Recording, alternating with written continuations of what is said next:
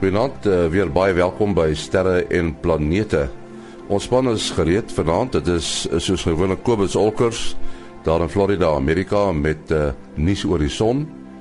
En dan ons span wat uh, gesels en dit is professor Mati Hofman en Willie Koorts van die SAAO. Maar voor dit alles, eers ruimte nuus wat geskryf is deur Herman Turin in Bloemfontein.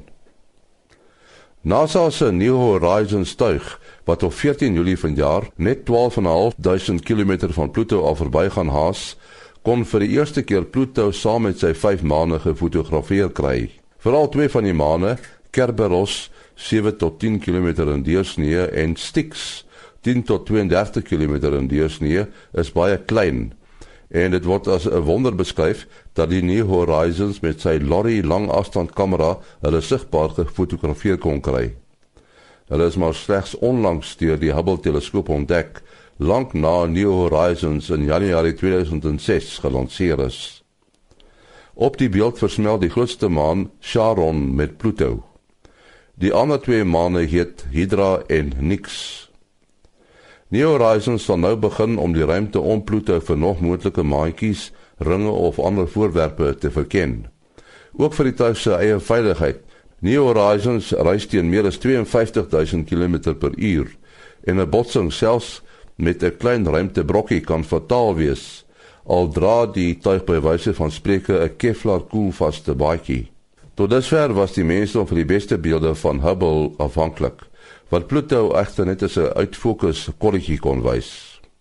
'n Prototipe opblaasbare onbemande tuig wat tot 'n jaar lank in Venus se atmosfeer sal kan rondreis, sal op 1 Oktober meeding om die 1 miljard dollar in NASA se Next Frontiers wetenskap kompetisie. Die tuig se skroewe sal bedags deur sonpanele gelaai word en saans deur plutonium radioaktiewe verval. Die tuig indien dit wel oor 4 jaar na Venus gelanseer sal word, sal minstens 12 instrumente aan boord hê. Die maatskappy Northrop Grumman ontwerp ook soortgelyke produkte vir Saturnus se maane wat oor atmosfere beskik. Die eerste eksperimentele tuig wat op die sonwind aangewese sal wees om dit dieper die ruimte in te neem, is Woensdag vanaf Cape Canaveral in Florida, VSA gelanseer. Die tuig staan bekend as die Light Sail en het in die ruimte 'n reuse laken van mylar ontplooi wat as seil deur die sonwind ingespan moet word.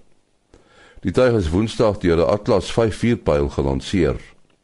Volgens beplanning sal die werklike Sail in 2016 deur SpaceX se enorme Falcon Heavy die ruimte ingestuur word. Die Falcon Heavy word nog ontwikkel maar sal 'n vrag twee keer so swaar soos sy naaste mededinger die ruimte in kan dra. Dit sal na verwagting 'n vrag van 53 ton tot in die ruimte kan neem. Tot sover ruimte nuus wat geskryf is deur Herman Turin in Bloemfontein. En nou Kobus Olkers met nuus oor die son. Goeienaand en goeienaand luisteraars. Uh, hierdie week is die son lekker stil. Ons het twee baie groot filamente wat 'n uh, vaak kansie het van uh van platval wat vir ons 'n bietjie 'n bietjie kan gee maar niks wat enige instrumentasie soos GPS of enige van die soort van dinge kan beïnvloed nie. Dan het ons uh een of twee baie klein kronigaatjies wat binne die volgende dag of twee uh, gaan geo-effektief raak. Uh dit sal ons uh langafstand high frekwensie uh amateur radio entoesiaste 'n bietjie raak, frekwensies behoort behoort ons stabiel te wees. En uh, verder is eintlik niks om te praat nie. Die magnetiese areas is baie is baie eenvoudig en daar's geen kompleksiteit wat die ehm um, wat vir ons enige fakkels kan veroorsaak nie. Dit was nuus oor die son deur Kobus Olkers. Professor Mati Hofman van die Universiteit van die Vrystaat, die Boordensterrewag en die digitale planetarium en wil ek kort van die SAAO is ons span wat deelneem aan uh, sterre en planete elke sonnige aand om hierdie tyd. Nou wat wat baie interessant is, Mati is ehm um, die maniere van aandrywing in die ruimte want want jy weet ons weet nou van vuurpyl aandrywing klein vuurpyltjies met die hydrazine en wat hulle gebruik om goed te stuur En dan is daar ook 'n uh, Ion motor nê. en dan ook uh, 'n sonseil. Vertel vir ons hoe werk die sonseil? Uh nee, ja, in die ruimte het mens nie iets waarteen jy kan vaskop as jy nou wil in 'n bepaalde rigting versnel nie. Jy het die, die aarde uh het ons almekaar 'n uh, oppervlak onder ons en as jy in een rigting teen die oppervlak druk, dan beweeg jy in die ander rigting. Maar in die ruimte het jy nou baie naby aan 'n perfekte vakuum. Uh so as niks om teen te skop nie. Uh so as dit net nou by die son sou kom, uh wat jy dan kan doen is om uh, momentum kry vanaf die uh, vanaf die sonwind. En die sonwind bestaan uit 'n klomp klein deeltjies elkeen het maar 'n klein bietjie momentum omdat hulle so klein is, maar onder daar so geweldige groot getal van hulle is, uh en onder dit uh vir 'n lang tyd gehandhaaf kan word. Dan jy gaan nie 'n groot versnelling kan kry nie, maar jy kan daardie bietjie bietjie bietjie versnelling uh handhaaf oor 'n baie lang tyd, solank jy in 'n rigting weg vanaf die son uh uh versnel en jou seile reg gespan het. En uh dit dit dit neem, neem nou natuurlik 'n lang tyd om te versnel, nê. Nee. Uh ja, dis analoog aan die uh, die ioon-aandrywing waar jy ook 'n matige versnelling het, maar jy kan dit bloot aanhou. Mens kan nou daar seker so 'n bietjie van 'n analogie met saamgestelde rente. Uh en uiteindelik kom ons dink nou maar as jy klein bietjie versnelling jy doen dit 'n jaar lank in plaas van net vir 'n paar ure, uh, dan kan 'n klein versnelling jou net tot 'n baie groot uh, eindsnelheid voer. Uh, ja, 'n mens moet ook net um, mooi daaraan dink. 'n Mens dink nou dat jou jou straalvliegtuie uh met die met die straal uh met die met die uh gewone vliegtuigmotore uh hier op die aarde het ons mos nou 'n atmosfeer, so dit voel ook of hulle nou in die atmosfeer vaskop en om die vliegtuig vorentoe te dit aan te dryf, maar dit is natuurlik ook nie so nie. Dit is maar dieselfde uh effek wat jy in die ruimte kry. Dan is dit maar eintlik net die klomp gas wat daar teen 'n geweldige spoed uit die engine uitkom.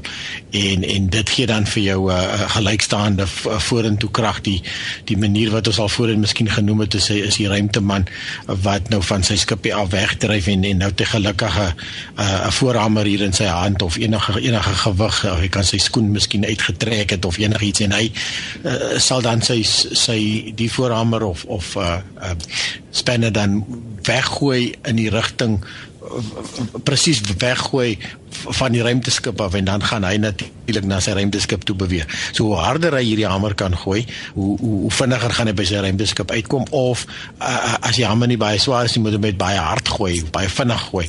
En en en so dit is dan dieselfde uh, effek hierso van Newton se elke elke reaksie is dan 'n teenoorgestelde reaksie. So dan het jy natuurlik hierdie hierdie uh, gas wat nou teen 'n geweldige snelheid uitkom by die engine. En ehm um, soos Martin nou sê, die seil is net werk netlik amper soos 'n seil op aarde, 'n seilboot, uh, maar jy het nog gedurig hierdie wind wat druk druk druk aan die aan die seil. So 'n tipiese uh, aanpassing van 'n uh, vuurpyl in die ruimte is maar eintlik 'n baie kort vuur van die motore en partymal gebruik hulle net saamgeperste lug om om dan die die ding in beweging te sit of om te laat draai ensovoort. So uh, dit laat my altyd ook dink aan 'n aan 'n aan 'n aan 'n boot wat geanker is en uh, dit kan 'n baie swaar boot wees. As nie 'n kans dat jy daai boot sal kan optel nie, maar as jy trek aan daai tou, dan kry jy na aan die boot nader getrek. So dit is 'n soort van uh, 'n rowwe analogie daarso. Uh, ja, ek kan net die aanval van uh, Willie se analogie met die uh, straalvliegtuie. Ek het nou juis gister 'n video gesien op uh, YouTube van 'n Boeing 747 wat nou besig is om op te warm en toe beland 'n gewone passasiersvoertuig. Dit was 'n beheerde eksperiment wat hulle gedoen het in die uh Concery jet agter die vliegtuig en hy is uh, 100 meter ver tot in die see geblaas. So dis 'n geweldige klomp momente wat daar uitkom en mens kan dink want dit moet die uh, met al sy massa in 'n teenoorgestelde rigting kan kan druk. En dan Mati wil ek jou net gevra, hoe werk die ion motor presies?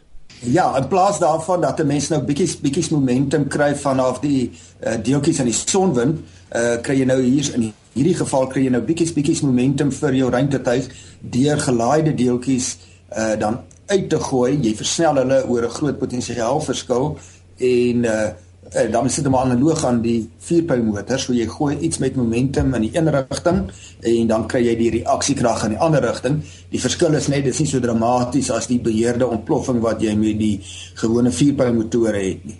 Uh 'n mens besef nie hoe moeilik dit vir die mense oorspronklik was, weet jy, in die begin van die ruimte eeu om daardie proses uh van hierdie uh, vier vier motore te kon bemeester nie, want dit is maar amper soos 'n ontploffing wat jy bietjie uittrek en uh dit het tot baie groot katastrofes gelyk, baie ongelukkige gelyk. Uh en hulle moes maar deur uh probeer en probeer moes hulle uiteindelik agterkom wat werk. Ja, so van ongelukkige gepraat uh Willie. Dit lyk my die russe kyk 'n bietjie op hulle neus, né? Want uh die een is dit uh, die die progress wat buite beheer geraak het en nou is daar 'n vuurpyl wat ook uh, onklaar geraak het. Uh, ja, hulle is omtrent ongelukkig die soos jy sê so so 2 3 weke terug was dit die die progress dit is nou uh, 'n uh, vragskip wat na die internasionale ruimtestasie toe uh so iets 2.5 ton vrag sou neem.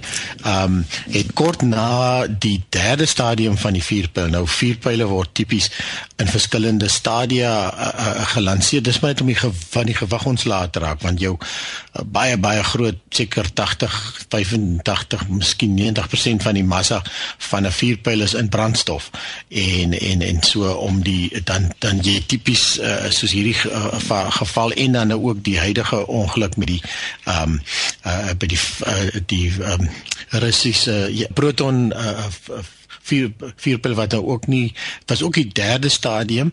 Ehm um, so die eerste stadium is gaan gewoonlik 'n baie groot gedeelte wees en die val sommer baie vinnig af en dan het jy gewoonlik 'n tweede stadium wat vir jou 'n bietjie 'n uh, ekstra hoogte gee.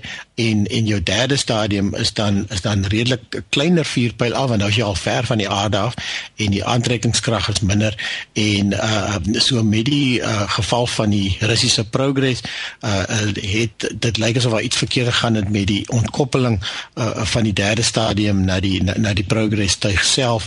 Um en die en die tuig het, het in 'n rotasie ingegaan. Nog al 'n ho hoë rotasie 1.8 revolusies per sekonde.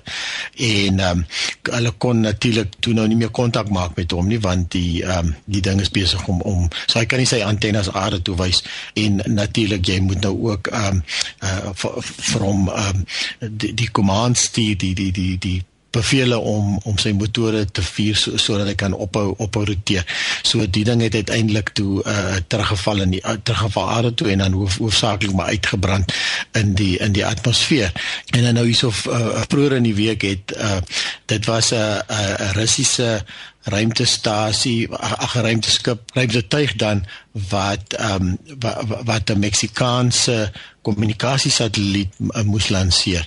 En uh um, die uh dit weer eens uit uh, uit 'n hele uh, amper rond 40 km al in die lug opgewees 161 om presies te wees. En op daai stadium uh, is dit weer die derde stadium vermoed hulle wat uh, verdief gegaan het. En uh, die satelliet is natuurlik uh, verloor. Um so natuurlik 'n hele klomp geld waarvan ons hierso praat maar natuurlik die goed wat word daarom ook ook verseker. Um sodat jy uh, uh, uh ja hy, hy was verseker vir 390 miljoen dollar. En um uh, dis interessant hierdie uh, tipe daar was nou al 116 lanserings van uh, uh, die Proton M4 met die Breeze M uh, boonste stadium. En daarvan het hulle al 11 keer uh, wat goed verkeerd gaan. So dit is maar 'n baie a hoë risiko wat ons van praat beheerde boms soos Martin nou net gesê het. Uh wat, wat ons hierso van praat. Ja, wil jy my sit nou net en wonder oor die implikasies hiervan vir die vir die mense want die internasionale ruimtestasie uh, is altyd beman. Nou eerste ding wat ek nou wonder, gebruik hulle dieselfde vuurpyl om die omryk bemanningsruimtestasie toe te stuur? Uh en tweedens ek uh het nou net vandag hier gelees hulle het kort kennisgewing besluit om nie die uh, bemanning daar te laat terugkom. Hulle sou op 13 Mei terugkom, maar hulle het eers op 12 Mei die, die besluit geneem. Uh impliseer dit dan dat hulle klare tuigie daar by hulle het. Uh uh so dis iets wat gestuur word om hulle te gaan gaan haal nie. Uh ja, soos wat ek dit verstaan, ja, die eerste die eerste vraag, ek is nie presies seker. Ek dink die die die Soyuz uh, is redelik standaard en ek dink nie daar's 'n vreeslike groot verskil tussen die vrag en die en die passasiers weergawe daarvan nie. Um ek dink baie van van die tegnologie is natuurlik dieselfde. Dit is natuurlik uh, uh, baie um uh betroubaar nog natuurlik al die jare gewees.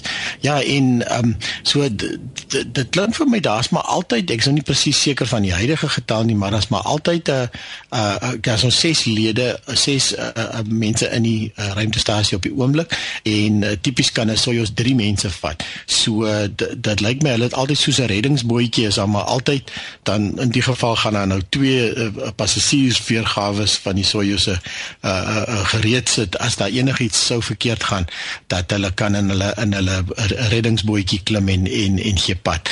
En ehm um, dan is daar ook uh, gedurig 'n uh, klompie eintlik soos wat hulle nou die vrag opbring dan sal die ding dok en dan en dan sal hulle hom nou uitpak en dan begin hulle sommer onmiddellik hulle swart sakke daarin gooi en uh, dit word dan nou ook gebruik vir hulle afval en ehm um, uh, selfs die die die uh, riool en alles gaan in die in die vier tyd ehm uh, um, gebruikte uh uh, uh vrag Soyuz in en uh, as hy uiteindelik vol is dan sal hulle hom laat los en dan uh ook met 'n beheerde traject uh, in die in die atmosfeer laat uitbrand. So ek weet daar is so 'n uh, 'n YouTube video wat wat dit so oulik verduidelik en dan sê die ou um daar's so die volgende keer as jy nou dan kan dit dalk hierdie hierdie ouens wees se se riool en alles wat in die wat in die ruimte uitbrand. Ja, lyk my die gevaarlikste dele is eintlik maar die landering en die terugkom, nê, nee, uh, Mati. Uh ja, dis hoekom ek nou gewonder het of die volgende bemanning wat nog gelanseer moet word, uh nou ekstra uh gaan stres om nou te weet of hulle veilig die ruimte gaan bereik. Uh so wil het gesê dit is maar dieselfde tipe van tegnologie wat gebruik word. Ehm um, wat nou net vir my interessant is, hierso is 'n uh, gevolg nou van hierdie uitstelling vir die terugkeer van die huidige bemanning of 'n deel van hulle is dat 'n uh, Italiaanse uh ruimte vrou wat daar is, Samantha Stuforetti, uh verskoon die uitspraak maar ek hoop is nou genoeg. Uh sy gaan nou heel waarskynlik die vrou word wat die langste ooit in die ruimte was. Maar intussen is daar die ander ou, die een van tweeling wat uh, uh ek kan nie onthou wat sy van is nie. Wat wat uh, bo in die ruimtestasie is, net sy sy tweelingbroers op die aarde. Ja, die identiese tweelinge het uh, soveel gemeenskaplike eienskappe uh en nou het hulle gekontroleerde omgewings en deur na die tyd 'n vergelyking te tref kan hulle seker baie goeie inligting uh bekom oor die effek van die ruimte op die die een wat dan nou in die ruimte was. Ehm um, want andersins omdat hulle dieselfde soorte liggame, dieselfde DNA alles het, behoort hulle uh vergelykbaar te verouder in dieselfde tyd of watter ander effekte daar ook kan mag wees. Uh, so ek dink vir die veral vir die beplanning van die langtermyn uh, ruimtereise is dit baie belangrik om hierdie effek van die ruimteomgewing op die mens so akkuraat as moontlik uh, staan sodat 'n mens kan die nodige voorsorg tref. Uh, een van die uh interessante items wat ek nou onlangs gelees het het nou juist gegaan oor die effek van die die straling in die vorm van die kosmiese strale. Uh wat hierdie hoë energie deeltjies deur die mens se liggaam skiet en dit gebeur met ons hier op die aarde ook maar die aarde se atmosfeer en magneetveld uh beskerm ons daarom teen die grootste gros van hierdie deeltjies maar in die ruimte het jy nie daai beskerming nie behalwe 'n bietjie van die materiaal van die ruimtetuig om jou. Uh so die ontstellendste ding is hierdie deeltjies gaan ook deur jou brein en eksperimente wat hulle met muise op die aarde gedoen het, dui daarop dat dit dan akkumulatief as jy nou vir 'n paar maande of 'n uiteindelik dalk 'n paar jaar in die ruimte is dat dit breinskade kan veroorsaak. Nou ja, ons moet afsluit uh mate jou besonderhede. 0836257154. 0836257154. En uh Willie? Ja, mense kan SMS, uh, WhatsApp of of uh, bel by 0724579208. 0724579208. En my besonderhede maas.henny@gmail.com maas.henny@gmail.com. Tot volgende week dieselfde tyd. Mooi loop.